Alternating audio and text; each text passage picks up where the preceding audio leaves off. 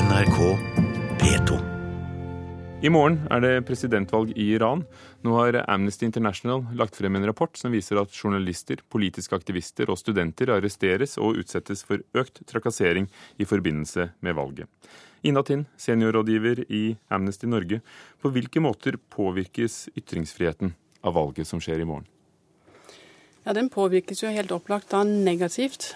På den måten at uh, folk som myndighetene frykter kan komme til å si noe, noe, kritisk, at de sperres rett og slett inne. Uh, det er veldig mange nå som er arrestert, uh, som myndighetene på en eller annen måte da har fryktet kunne bidra til å skape uro rundt valget, sånn som det skjedde for fire år siden, i 2009, da det var omfattende demonstrasjoner i etterkant av valget. Og Da husker vi det som ble kalt for den grønne bølgen. Eh, det var store protester i gatene, det var dramatiske videoer som ble sluppet ofte på blogger, sosiale nettsteder. Eh, hva slags informasjon får dere? Hvordan får dere den? Amnesty har jobbet med Iran i mange tiår, eh, og i mange tiår har også myndighetene gjort det umulig for oss å komme inn i landet. De vil ikke ha våre øyne inne i Iran. Men vi har et omfattende nettverk eh, av mennesker inne i Iran, og også eksiliranere og andre som følger med på Iran. Så vi har et godt nettverk som vi har kontinuerlig kontakt med. Og en eksiliraner som følger nøye med, er Mahmoud Amiri Mogadam, leder for menneskerettsorganisasjonen Iran Human Rights. Du er med oss på telefon fra nettopp en menneskerettighetskonferanse i Spania. Frykter du at det blir verre enn det var ved valget for fire år siden? Det, det, kommer an på hvordan, uh, hvem som ser det. fordi uh, Som uh, Ina også var inne på, det myndighetene i Iran frykter mest, det er at det skal bli demonstrasjoner, slik det ble for fire år siden. Eh, fordi de vet at denne gangen vil ikke folk eh, si hvor er min stemme. Eh, og nå som de har sett andre diktat diktatorer bli styrtet, så vet Irans øverste leder Ayatollah Khamenei at dersom det blir protester, så vil folk stå, bli ute til og, og sikte på ham. Så, så, så det er eh, iranske myndigheters eh, verste frykt, og det er nettopp derfor de ikke vil ta noen som helst form for sjanser. Vi har jo sett på hva, hvordan hele prosessen har gått, at selv personer som har vært del av systemet i 30 år, som Ayatollah Rafsanjani, ble ikke godkjent til å bli presidentkandidat, nettopp fordi de var redde for at uh, det ville trekke folk uh, til, eh, til hans eh, valgkampanje. Og, eh, og, det de frykter, er at iransk ungdom skal få selvtilliten tilbake. Så derfor de arresterer, som Amnesty har skrevet. Jeg har også hørt av en private kilder at mange av de som er ute og driver med aktiviteter, deres familier har blitt og Nå forsvinner du litt for oss. at Du sier at familiene til de som driver med aktiviteter også blir rammet? Ja, eh, altså eh, At deres familie har blitt eh, truet. Så regimet tar ingen sjanser. Men det skal veldig lite til. Og, og hvis ungdom i Iran får muligheten til å samles, da, da kan det gå galt for regimet. Ina Tind, hvordan begrunner myndighetene selv arrestasjonene offentlig? Eh, nå spurte jeg Ina, så, og så hører jeg med deg etterpå. Ja, Det kommer jo an på hvilken sak det er. Det er jo veldig mange forskjellige saker. Men det som har skjedd i de siste månedene, er at eh, folk som har dommer fra, fra, tidligere, som har vært ute enten på kausjon eller som har hatt permisjon for medisinske grunner, de åker inn igjen.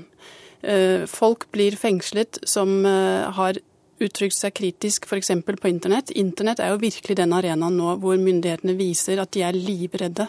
Så mange mennesker som er knyttet til forskjellige typer virksomhet på nettet, de tas eh, og bures inne, sånn at det ikke bare er tomt på gatene, som Mahmoud snakket om, men også i det digitale rommet. Mahmoud Amiri Moghadam, hvordan får folk troverdig informasjon i et land uten frie medier?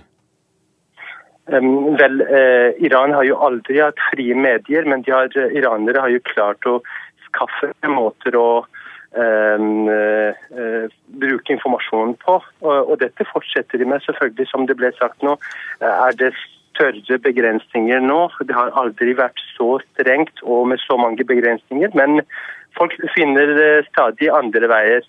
Uh, og, og når det gjelder iranske myndigheter, så trenger du ikke å forklare det når de går hjem til folk og uh, arresterer dem eller truer dem. Uh, både folket og myndighetene vet hva de vil ha, uh, og det er klart for alle sammen.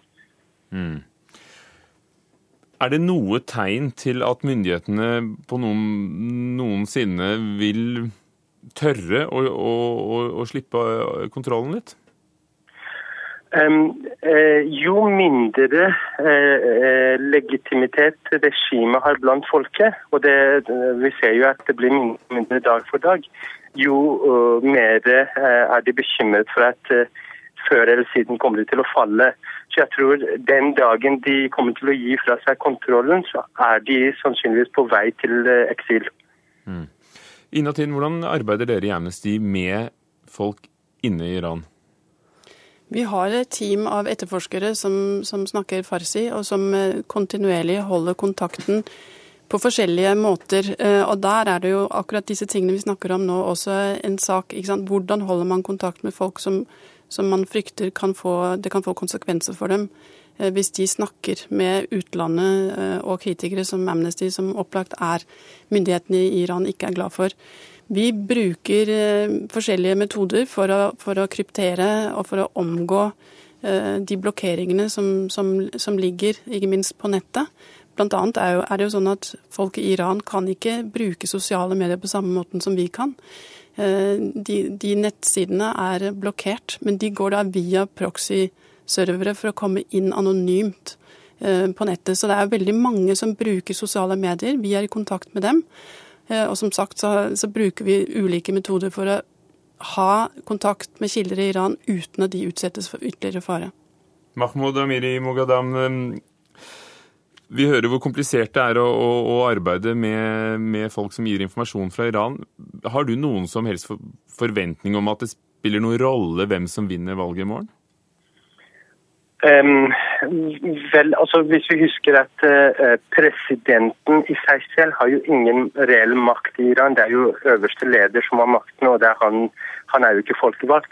Men uh, det som er viktig uh, når det gjelder dette valget, er at Khamenei er veldig tydelig altså Den som er Khameneis, den øverste leders, tydelig kandidat. At han ikke får stemmer, og at uh, folket får den selvtilliten tilbake. Vi må jo huske at regimet har brukt uh, fire år på, på å frata dem den selvtilliten de fikk for fire år siden, med henrettelser. altså over 2000 personer har blitt henrettet i løpet av de siste fire årene, og med arrestasjon og med sensur.